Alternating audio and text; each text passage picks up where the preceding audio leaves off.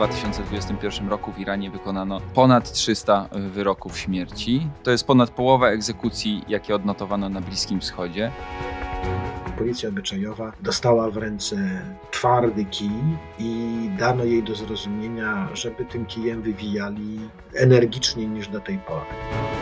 Te wnuczęta rewolucji nie zachowują się tak pobożnie, jak oczekiwaliby ich dziadkowie z prezydentem Raisi na czele. Źle zapięty guzik czy założona chustka była znakomitym pretekstem, żeby przykręcać śrubę. Tych masowych wystąpieniach antyrządowych uczestniczą tysiące. No to pokazuje, jak Iran się zmienia. Dzień dobry, przy mikrofonach Krzysztof Story i Wojciech Jagielski. Słuchacie podcastu Tygodnika Powszechnego.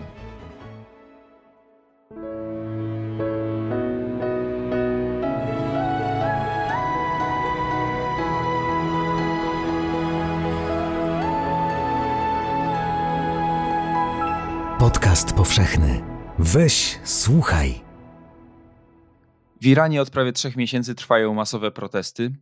Taką iskrą, która je rozpoczęła, była śmierć Mahsy Amini, 22-letniej Kurdyjki, aresztowanej przez e, policję moralności. Urzędnicy państwowi i sami policjanci twierdzą, że zmarła na zawał, natomiast nikt w Iranie za bardzo w to nie wierzy. Czy my obserwujemy coś, co ma szansę zmienić Iran, co ma szansę zmienić w ogóle ustrój tego kraju? Bo te protesty, jak żadne inne chyba wcześniej, są stricte wymierzone w rewolucję islamską. E, czy zmienią ustrój?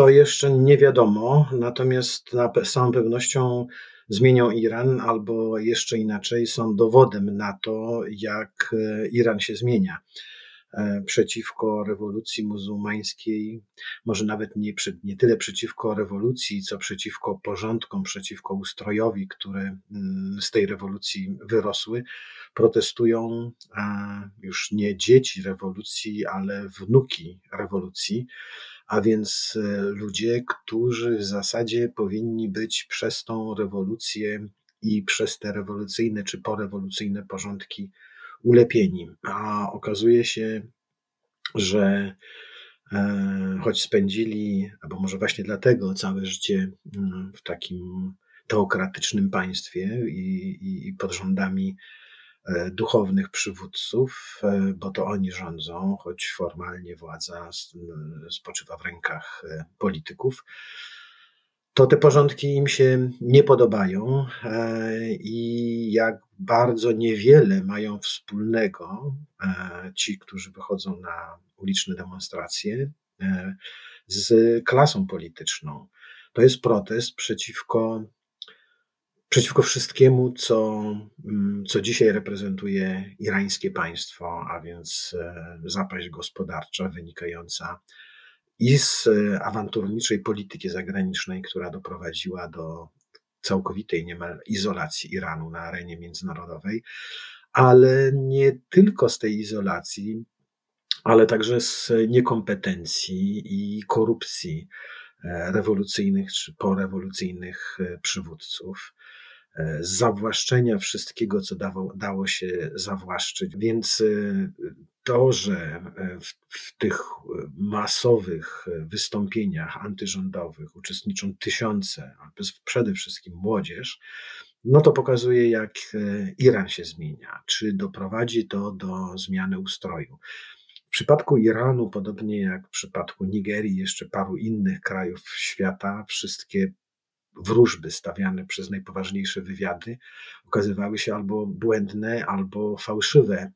Dzisiaj wywiady Stanów Zjednoczonych i Izraela, a więc państw, które przynajmniej teoretycznie powinny wiedzieć najwięcej o tym wszystkim, co się dzieje w Iranie, te wywiady twierdzą, że w żaden sposób e, obecne wystąpienia nie zagrażają ustrojowi czy też porządkom irańskim ale złośliwi dziennikarze przypominają, że pod koniec 1978 roku CIA pisała w podobny sposób raporty dotyczące przyszłości irańskiego szacha, który na początku zimy 79 roku uciekł z kraju, potem został obalony i po tym obaleniu monarchii nastała, nastała właśnie rewolucja i rewolucyjne porządki w Iranie, więc kto wie, czy, czy, czy wywiady znów się nie mylą. No ale właśnie, 79 rok, ja szybko w skrócie to przypomnę, rewolucja islamska w Iranie, ludzie, którzy dosłownie wynieśli, bo nieśli jego portrety ulicami do władzy Ayatollaha Khomeiniego. Dzisiaj Iranem jako najwyższy przywódca rewolucji, bo to jest de facto głowa państwa irańskiego, rządzi Ayatollah Khamenei, wiekowy już e, pan, a prezydentem od 2021 roku jest Ebrahim Raisi. I to jest taki człowiek z radykalnego skrzydła rewolucji. I to jest polityk zarządów, którego na ulicę wróciła w takiej skali organizacja, która jest dzisiaj w Iranie chyba najbardziej znienawidzoną służbą, przynajmniej przez protestujących, czyli właśnie policja moralności. E, Gasht Ershad. To się ładnie tłumaczy z irańskiego jak takie patrole przewodników. No ale niektóre media e, dość złośliwie nazywają Gasht e Ershad fashion police, czyli policją modową. To są ci ludzie, którzy pilnują przestrzegania zasad islamu także w stroju, a ich najczęstszą e, ofiarą czy petentami są kobiety, które właśnie, tak jak Mahsa Amini na przykład, źle założyły hijab. Jak ta organizacja powstała? Bo ona nie powstała wraz z rewolucją islamską, tylko powstała w 2005 roku dopiero. Coś, co dzisiaj nazywamy policją obyczajową, powstała jeszcze, powstało jeszcze za czasów proroka Mahometa. No nie była to oczywiście policja obyczajowa, ani nie był to żaden urząd, ale byli to ludzie, którzy na bazarach, targowiskach mm, sprawdzali, czy, mm, czy, czy, czy, czy, czy, czy przekupnie i sprzedawcy przestrzegają tych podstawowych zaleceń, czy też nakazów e, wiary czy się przyzwoicie zachowują, przyzwoicie do siebie zwracają, jak są wreszcie ubrani. Dotyczyło to i przy odziewku, i takiego na ulicę, ale także w jaki sposób ubrani wchodzą do świątyń, żeby się modlić. Więc e, to nie jest żaden nowy polityczny wynalazek. Jest tak stary, jak stara jest e, wiara muzułmańska.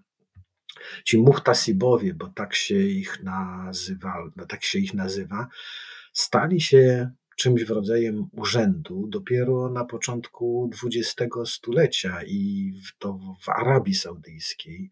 Na początku XX wieku e, w młodym, odradzającym się królestwie Arabii Saudyjskiej e, pojawiła się policja obyczajowa, jako urząd, jako strażnicy wyposażeni także mm, w prawo stosowania sankcji wobec tych, którzy łamią przepisy, czy też nakazy, czy zalecenia prawa muzułmańskiego.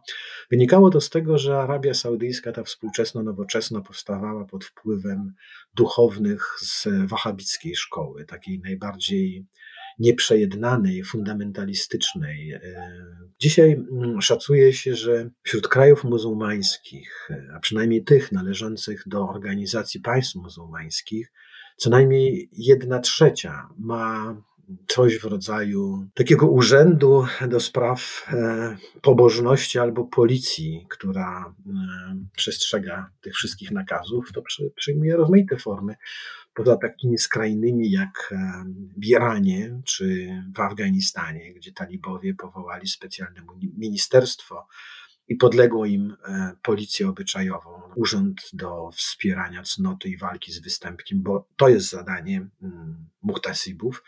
To są te takie skrajne formy e, działania i istnienia policji obyczajowej i to na nich się koncentrujemy, ale w mniejszym stopniu, w łagodniejszej formie Podobne instytucje występują w innych krajach muzułmańskich. W Iranie ta policja obyczajowa, jej obecność albo nadobecność w życiu, w życiu codziennym zależała od e, intencji panującego władcy.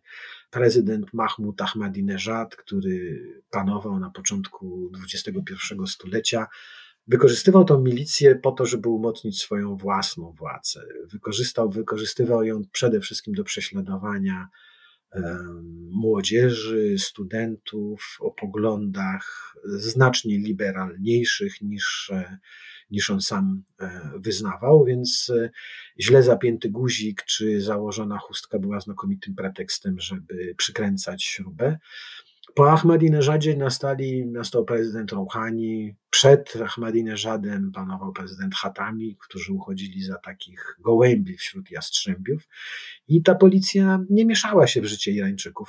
Owszem, funkcjonowała, ale to był to pewien rodzaj takiej liturgii koniecznej, ale formalnej, a za panowania takich przywódców jak Ahmadinejad, czy też, a zwłaszcza może panujący od roku prezydent Raisi, no te, tej policji powierzono zadania no właśnie dokręcania śruby Irańczykom, którzy nie znając Zachodu, ale zapatrzeni w Zachód, no bo internet pozwala oglądać coś, z czym się nie miało kontaktu, czy nie ma kontaktu. No i właśnie, że te wnuczęta rewolucji nie zachowują się tak pobożnie, jak oczekiwaliby ich dziadkowie z prezydentem Raisi na czele. Prezydent Raisi jest znanym wyznawcą surowej polityki. E, jeszcze z lat 80., kiedy jako sędzia sądów, trybunałów rewolucyjnych no, bardzo surowo obchodził się ze wszystkimi, którzy, których uznawał za przeciwników albo niewystarczająco entuzjastycznych zwolenników rewolucji. Mówisz o Raisim jako surowym sędzi. Dzisiaj można mieć wrażenie, że sądy w Iranie z tej surowości nie zrezygnowały. W poniedziałek 12 grudnia w Maszhadzie publicznie powieszono Majida Ranawarda, e, jednego z protestujących. To była druga egzekucja, o której wiemy, za udział w protestach. Organizacje zajmujące się prawami człowieka szacują, że w tym momencie od początku protestów po śmierci Maxi Amini do dzisiaj e, życie straciło w nich prawie 450 osób. E, statystyki rządowe mówią o nieco ponad 300. Jaką rolę w tym, co się teraz dzieje na ulicach Iranu, odgrywa właśnie Gashte Ershad, ta policja moralności? Czy to są ci ludzie, którzy odpowiadają za aresztowania? Przemocowe dokręcanie śruby Irańczykom, czy to wykonują już jakieś inne służby? No nie, policja obyczajowa z tłumieniem e, rozruchów czy też wystąpień antyrządowych nie ma nic albo niewiele ma wspólnego. Ona została powołana do zupełnie innych zadań. Niechcący wywołała burzę, e, ale dzisiaj prawdopodobnie w ogóle na ulicach Teheranu, Meszhedu czy Isfahanu nie ma, bo samo pojawienie się tych policjantów i policjantek, bo są to mieszane mm, patrole, no niechybnie wywoływało, wy, wywołałoby kolejne wystąpienia i ataki. E, tłumieniem e, wystąpień e, antyrządowych zajmują się policja, to oczywiste, i tak zwani basidżowie, to są młodzieżowe bojówki, czy też paramilitarne ugrupowania, które istnieją od początku w zasadzie rewolucji muzułmańskiej, bo też dobrze pamiętać, albo należy pamiętać, że narodzinom tej teokracji i rewolucji muzułmańskiej w Iranie towarzyszyła okrutna, wybuch okrutnej wojny, jednej z najbardziej barbarzyńskich wojen współczesnych czasów.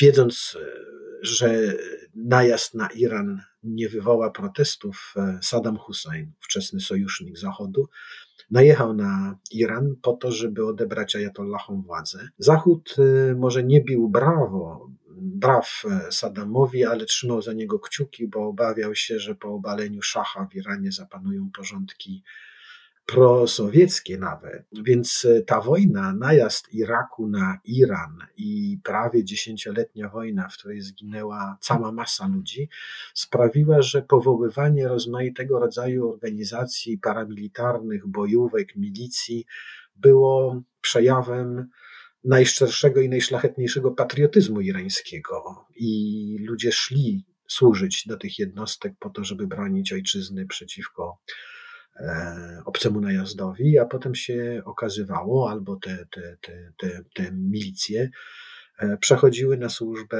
mm, rewolucyjnego reżimu i były wykorzystywane przeciwko tym, którym te porządki się nie podobały. Więc to ci basidżowie dzisiaj zajmują się głównie tłumieniem e, antyrządowych wystąpień i to oni, albo inaczej, za zabójstwa tychże Basidżów. To pokazuje, jak bardzo to są już znienawidzone wśród irańskiej młodzieży. Skazywani są na śmierć, a później z, um, wieszani e, uczestnicy tych. E, władze nazywają to, władze irańskie nazywają te wystąpienia rozruchami i robią różnicę od jakiegoś czasu między słusznymi protestami a rozruchami, za którymi stoją wyłącznie wrogowie Iranu, czyli jak zwykle Stany Zjednoczone i Izrael. Mówisz o atakach na Basidżów. E, właśnie za to został powieszony 23-letni mieszkaniec Teheranu, Mohsen Shekari, e, za zaatakowanie maczetą członka takiej bojówki Basidżów. Irański aparat y, państwa dysponuje karą śmierci. Według Amnesty International w 2021 roku w Iranie wykonano ponad 300 wyroków śmierci. To jest ponad połowa egzekucji, jakie odnotowano na Bliskim Wschodzie. Teraz organizacje zajmujące się prawami człowieka szacują, że na swoje procesy czeka kolejnych 11 protestujących, którym grozi kara śmierci. Wojtku, powiedz mi, jak przebiegają takie procesy? Czy tych y, protestujących sądzą normalne sądy? Czy oni mogą liczyć na dostęp do adwokata? Czy ten proces przebiega normalnie? No bo tutaj mieliśmy już dwie egzekucje wykonane y, na protestujących, a od samego początku protestów nie minęły jeszcze trzy miesiące. To jest błyskawiczne tempo. Sądy działają raczej w tempie i na zasadach trybunałów rewolucyjnych błyskawicznie, bez możliwości apelacji, zdaje się.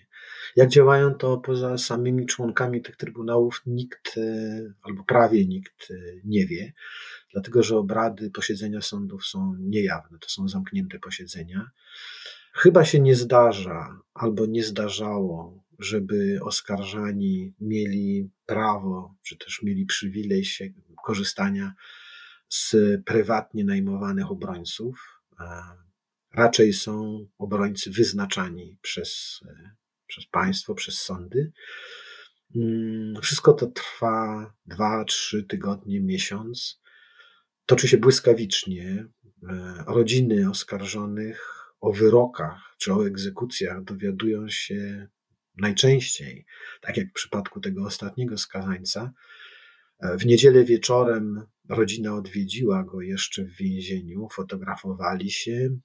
Nic nie wskazywało na to, żeby miało go coś złego spotkać. Zwykle też przed samymi mm, egzekucjami e, ci skazani bądź oskarżeni przyznają się do wszystkich zarzutów, jakie są im zarzucane, albo mówią jeszcze więcej.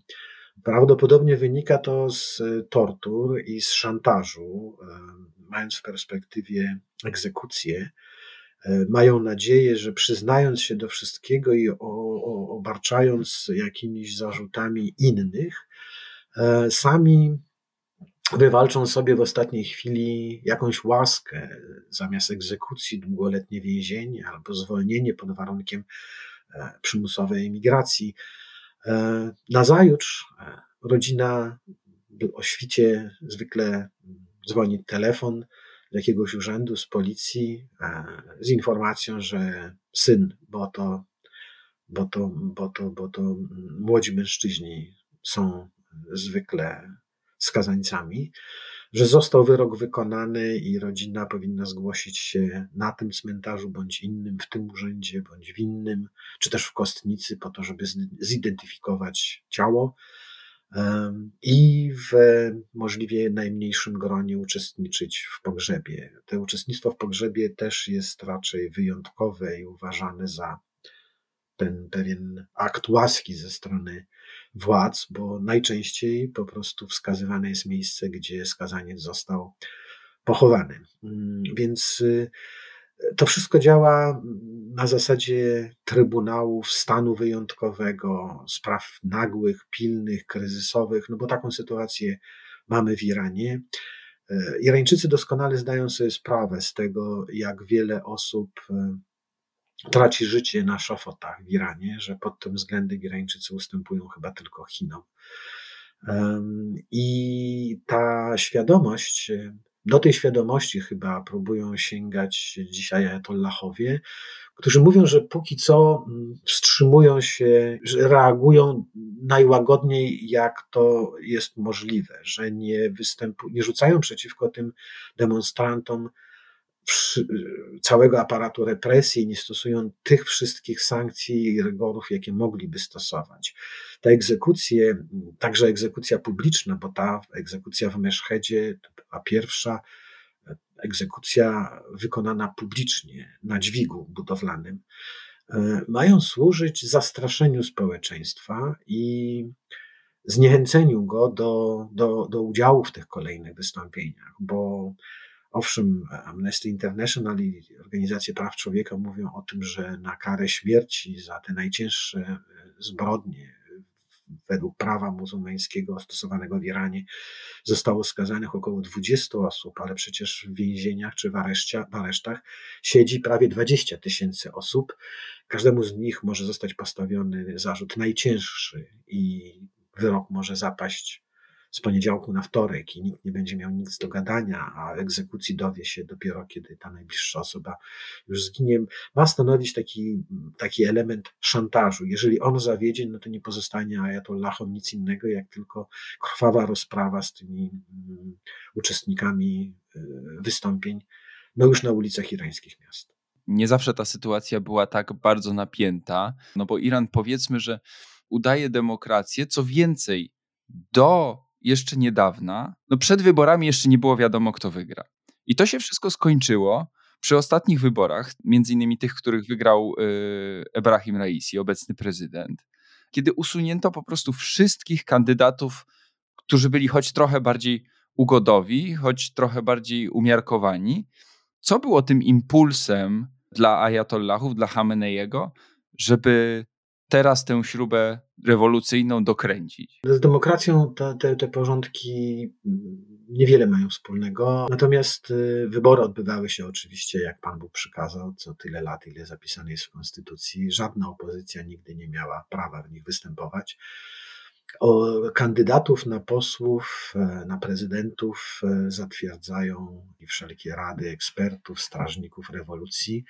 E, to one decydują o tym, kto może być posłem, a wyborcom przedstawia się tylko tych, którzy do tych funkcji według tych instytucji się nadają. Ale rzeczywiście wcześniej zwykle było z półtuzina kandydatów na prezydentów i no, raczej zawsze był jakiś faworyt, ale temu murowanemu faworytowi towarzyszył jakiś znak zapytania. Możliwe były rzeczywiście jakieś e, niespodzianki. Ktoś zdobywał więcej głosów niż się spodziewano. Raczej nie zdarzało się, żeby wygrywał w ogóle jakiś outsider, ale, ale tak, to, to, to, to wszystko miało miejsce. Te wybory mm, w zeszłym roku, w czerwcu, różniły się od wszystkich poprzednich tym, że e, no, przestaną w ogóle stwarzać jakiekolwiek pozory rywalizacji. E, nie dopuszczono do wyborów nikogo, kto mógłby zagrozić Raisiemu w zwycięstwie. Tłumaczono to koniecznością uporządkowania rewolucyjnych szeregów przed e, sukcesją. Nikt nie jest wieczny i Ali Khamenei też e, nie jest wieczny. Zwycięstwo Raisiego oznaczało oczywiste zwycięstwo tego skrzydła jastrzębi, tych nieprzejednanych zwolenników e, porządków rewolucyjnych, co nie znaczy, że Raisi, wygrywając wybory w sposób automatyczny, został ogłoszony następcą i przyszłym e, najwyższym przywódcą duchowym i politycznym. To raczej frakcja polityczna, której jest reprezentantem wygrała tą wojnę sukcesyjną. E, cała władza w Iranie przeszła w ręce twardogłowych. E, natomiast e, poza Raisim mówi się, że jednym z faworytów do sukcesji jest syn Ayatollah Khamenei, Khameneja Mojtaba.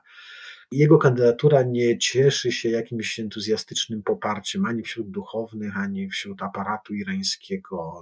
Troszkę podejrzanie i krytycznie przyglądają się, że oto rewolucja i Republika Muzułmańska, jedyne teokratyczne państwo na świecie, no, przepoczwarzyłoby się niechcący w dynastię. Po, po, po, po ojcu nastałby syn.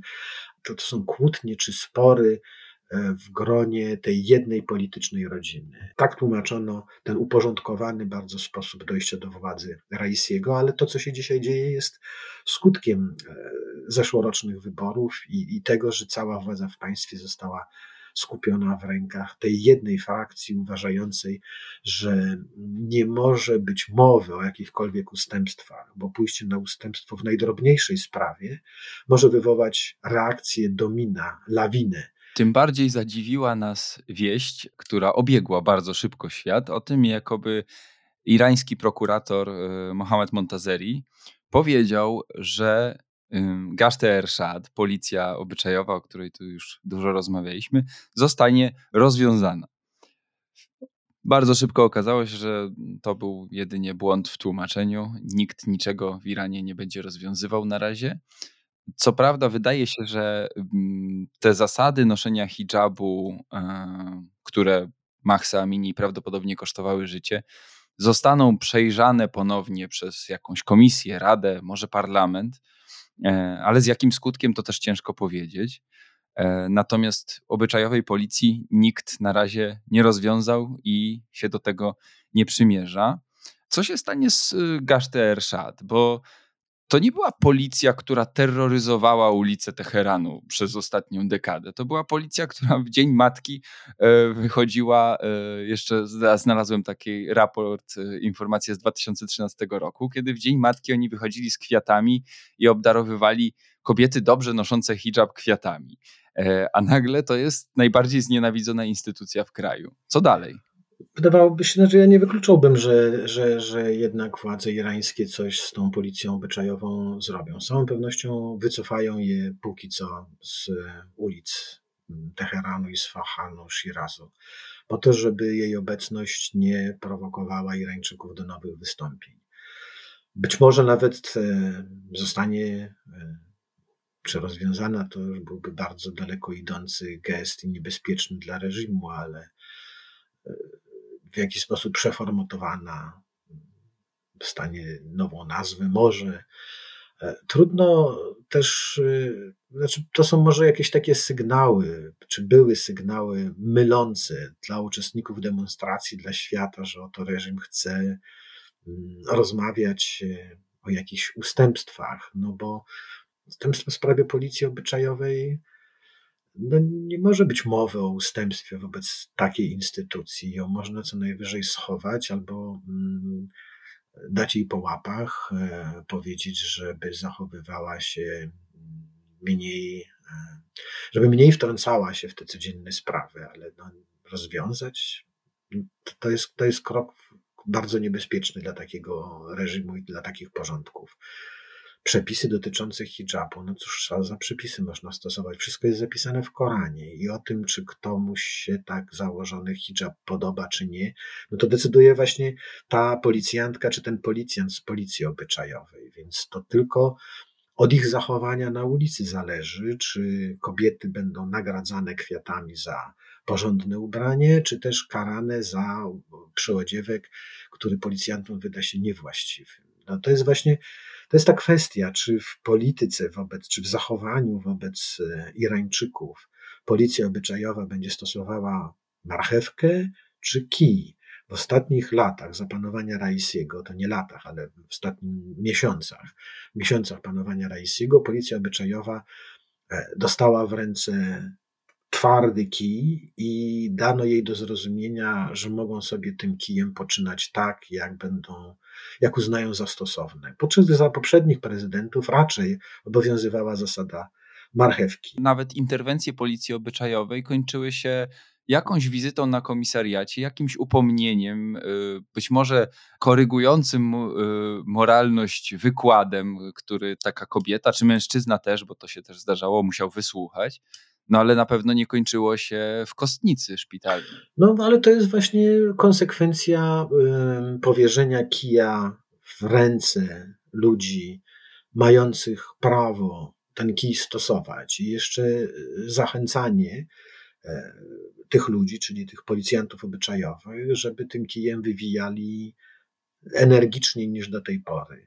E, Raisi jest przedstawicielem politycznej e, postawy, która władzę rozumie jako absolutną omnipotencję i możliwość wyłączną stosowania i przemocy, i nagród. Więc zastraszanie jest dla niego czymś równie oczywistym jak nagradzanie.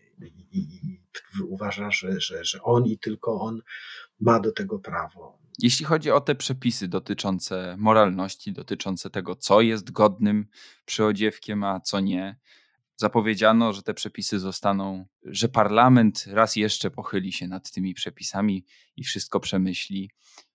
Jak to się skończy, myślisz? Bo to też nie jest tak, że od pierwszego dnia rewolucji islamskiej ten nakaz noszenia hijabu obowiązuje. Ten nakaz, za który Mahsa Amini w efekcie oddała życie, został wprowadzony dopiero w sierpniu 83, to jest 4 lata po, po rewolucji. Jakie są, myślisz, jego dalsze losy? Czy faktycznie władza tutaj ustąpi? Znaczy, wciąż będzie to kwestia praktyki, e, a nie teorii czy przepisu. No, próba parlamentarnego, parlamentarnej rewizji Koranu no, to, to, to grzech śmiertelny. Żaden żaden parlament irański nie ośmieli się. I co tu można poprawiać? Wszystko jest zapisane.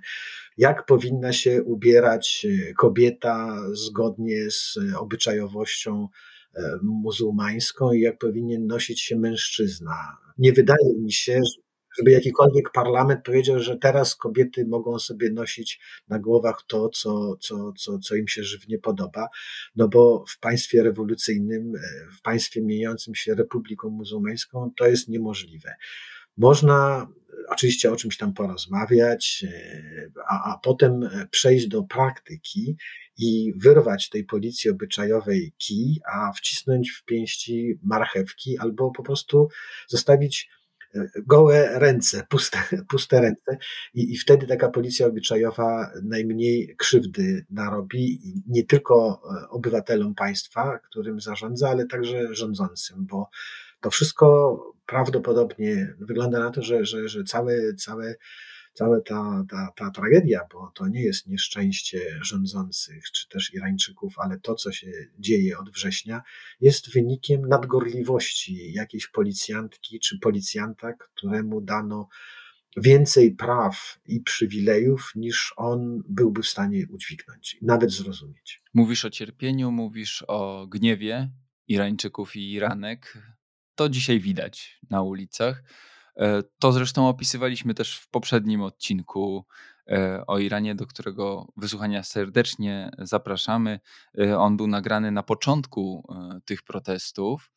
No i one trwają. To paliwo nie wygasło. Jak często było z protestami w Iranie, kiedy nawet duże ruchy, duże takie niepokoje społeczne gdzieś po dwóch, trzech tygodniach wygasały, były tłumione przez władze. Tutaj mamy trzeci miesiąc protestów na ulicach Iranu. Wtedy, w tamtym odcinku, pamiętam, że mówiliśmy o tym, że te protesty, także przez to, że one są skrzykiwane w internecie, e, że są mocno zanonimizowane, nie mają przywódcy. I to odbiera im trochę szansy na bycie jakąś realną zmianą y, polityczną. My tutaj rozważamy, co zrobi irańskie państwo, jak będzie interpretować Koran, czy w imię tego Koranu i islamskiej rewolucji da policji takie albo inne narzędzia. A te protesty pokazują, że w Iranie jest coraz więcej ludzi, których to w ogóle nie obchodzi, którzy mają już y, dość życia y, w tym państwie, oczekują jakby zupełnie innego świata czy zmiana, która dokonała się w Iranie w ogóle, spowoduje, że ci ludzie dostaną szansę na, na to, czego chcą w końcu? I czy udało się w międzyczasie w tych protestach wykreować jakiegoś lidera, który mógłby tę zmianę przeprowadzić? Ja żadnego przywódcy nie zauważyłem, żeby pojawił się ktoś o jakimś konkretnym nazwisku, twarzy, e, który próbowałby nadać kierunek e, tym protestom albo by sformalizował, zwerbalizował żądania tłum protestuje przeciwko krzywdzie i niesprawiedliwości, jaka jego zdaniem się mu dzieje, natomiast nie stawia żądań. Śmierć dyktatorowi, śmierć Sipajom to są hasła skandowane na teherańskich i e, sfachańskich ulicach. Natomiast kierunek jest wciąż nieznany. Jest to protest przeciwko czemuś, a nie żądanie czegoś innego, alternatywnego. Nie wyobrażam sobie, ale może jest to kwestia, zapewne tak, mojej ograniczonej wyobraźni, ale nie, raczej nie, nie, nie, nie, nie wyobrażam sobie e, okrągłego stołu, gdzie po, przy jednym załamaniu będą siedzieli przywódcy ulicznej rewolucji, a po drugiej stronie ajatollahowie będą próbować się dogadać w jakiejkolwiek sprawie. Chyba to jest niemożliwe. Mm, rewolucja e, przeciwko szachowi może nie odbywała się w podobny sposób, e, albo inaczej, odbywała się według podobnego scenariusza. Skala tych wystąpień była dużo większa. Nie była to kwestia tygodnia ani miesiąca, to była kwestia miesięcy, e, których kulminacją była ucieczka szacha, który zrozumiał, że sytuacja wymknęła mu się spod kontroli. Pojawiają się głosy, że jeżeli głosy, ale głosy mędrców e, z Dubaju, z Kalifornii, z Kairu, którzy zajmują się Iranem na odległości w sposób bardziej naukowy niż praktyczny, bo do Iranu nie są wpuszczani dziennikarze, a ci, którzy są w Iranie i mogliby coś powiedzieć, obawiają się mówić, dlatego że za to mogą spotkać ich sankcje. No ale ci, ci, ci badacze irańskiej polityki mm, z odległości e, mówią coraz częściej o tym, że podobnie jak w przypadku arabskiej wiosny w Magrebie i na Bliskim Wschodzie, e, zagrożeni upadkiem obowiązujących porządków, strażnicy tego, tych, tych starych porządków, a więc wojsko, służby bezpieczeństwa, mogą poświęcić starego władcę, a nawet stare porządki po to, żeby wynieść do władzy nowego, a te porządki troszeczkę zmienić. Więc co, zamiast e, rewolucji ajatollahów, E, autokratyczne państwo, oświecone, z oświeconym przywódcą, oświeconym dyktatorem na czele, nawet w generalskim mundurze. Ale są to spekulacje, które są e, wpisane w zakres obowiązków tych, którzy badają irańską politykę i badają irańską historię. Zdarzało się w dziejach Iranu wojskowe zamachy stanu i, i, i zmiany dynastii, które też odbywały się w sposób gwałtowny. Nie bardzo wyobrażam sobie ewolucyjne rozwiązanie tej sytuacji. Sądzę, że albo nastąpi powtórka z poprzednich wystąpień, równie masowych, równie krwawych, 2009 rok, czy chociażby 2000, po, po, po sfałszowanych wyborach, ta, ta zielona rewolucja, czy też wystąpienia mm, przeciwko kryzysowi gospodarczemu w 2019 roku, gdzie zginęło półtora tysiąca ludzi. E, raczej spodziewałbym się takiej konfrontacji siłowego rozwiązania kto kogo, niż e, próby znalezienia jakiegoś e, porozumienia. Ale powtarzam, to zapewne kwestia mojej ograniczonej wyobraźni. Oby. W tym odcinku o Iranie to już wszystko. Zostańcie z nami. Wracamy za chwilę. Pozwolą Państwo, że przerwę dosłownie na półtorej minuty. Dzień dobry. Nazywam się Michał Kuźmiński. W Tygodniku Powszechnym kieruję wydaniem internetowym, serwisem tygodnikpowszechny.pl. Co tydzień tygodnik przygotowuje dla Państwa artykuły najwyższej jakości. Od 2021 roku nasze autorki i nasi autorzy otrzymali 27 nominacji i nagród dziennikarskich i literackich. Nasi korespondenci piszą z ukraińskiego frontu i innych punktów zapalnych świata. Publikujemy rozmowy z najważniejszymi postaciami kultury. Nasza dziennikarska praca jest możliwa dzięki Państwu, naszym czytelnikom. To dzięki Wam tygodnik jest suwerenny. I za to Wam dziękujemy. Ten podcast, jak i wiele innych wartościowych treści udostępniamy Państwu bezpłatnie. Jeśli chcecie wesprzeć naszą pracę, zachęcamy do skorzystania z oferty dostępu do serwisu tygodnikpowszechny.pl dzięki któremu oprócz bieżącego wydania zyskają Państwo także możliwość czytania treści specjalnie dla subskrybentów, takich jak cykl tekstów Wojciecha Jagielskiego Strona Świata, a także tysięcy tekstów archiwalnych. Zapraszamy także do sięgania po wydanie papierowe, zwłaszcza w prenumeracie. A podcast powszechny mogą też Państwo wspierać w serwisie Patronite. Trzymajmy się. Pozdrawiam serdecznie. Michał Kuźmiński. Mamy dla Was jeszcze jedną stronę świata, w którą warto spojrzeć 14 grudnia 2022 roku i Wojtek zabierze Was na chwilę do RPA. Tak, w południowej Afryce ważą się losy prezydenta, najlepszego jakiego ten kraj się dochował po Nelsonie Mandeli, ale który sam zapędził się w taki ślepy zaułek skandalem związanym z pieniędzmi, które trzymał u siebie na farmie, a które mu zostały skradzione, ponad pół miliona dolarów w gotówce. Rzadko kto trzyma tego rodzaju sumy schowane w kanapie. Posłowie i opozycja polityczna, także towarzysze partyjni Cyryla Ramapozy, bo tak się nazywa prezydent, zadają, stawiają mu pytania, skąd te pieniądze się u niego tam znalazły. Jak to się stało, że, że trzyma gotówkę w kanapie? Czemu nie zgłosił wreszcie kradzieży tych pieniędzy policji, chociaż miał taki obowiązek? Czemu wykorzystywał swoje stan, nadużywał swojego stanowiska prezydenckiego po to, żeby jego straż przyboczna śledziła, tropiła, wreszcie aresztowała złoczyńców?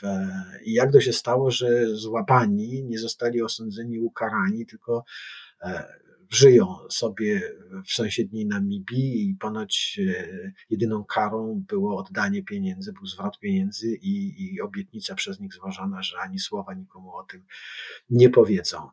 E, w południowej Afryce mm, prezydentowi Ramapozie grozi głosowanie wciąż nad wotum nieufności, grozi impeachment, e, ale mm, prawdziwa walka o przyszłość Ramapozy i kraju rozstrzygnie się na zjeździe rządzącego Afrykańskiego Kongresu Narodowego. Jeżeli na tym zjeździe Ramaphosa zostanie wybrany na przywódcę, to będzie oznaczało, że posłowie kongresu w parlamencie sprzeciwią się impeachmentowi i nic złego Ramaphosie się nie stanie. Zachowa władzę, ale reputację niestety straci, a e, straci też na tym cała południowa Afryka, bo Ramaphosa był uważany i dalej jest uważany za ostatnią nadzieję e, dla tego kraju związaną z rządzącym Afrykańskim Kongresem Narodowym, partii Mandeli, która 25 lat rządów sprawiło, że z dawnej legendy, szacunku e, już nic tej partii nie zostało. I to już wszystko w tym odcinku podcastu Jagielski Story, a my możemy być z Wami dzięki Waszemu wsparciu e, i zbiórce na Patronite, e, dzięki której powstają te odcinki, dzięki której możemy realizować podcast Tygodnika Powszechnego. Jeśli ktoś chciałby dołączyć, to zapraszam na patronite.pl ukośnik podcast Tygodnika Powszechnego. A dzisiaj do Iranu zabrali Was Wojciech Jagielski i Krzysztof Story. Dziękujemy i do usłyszenia.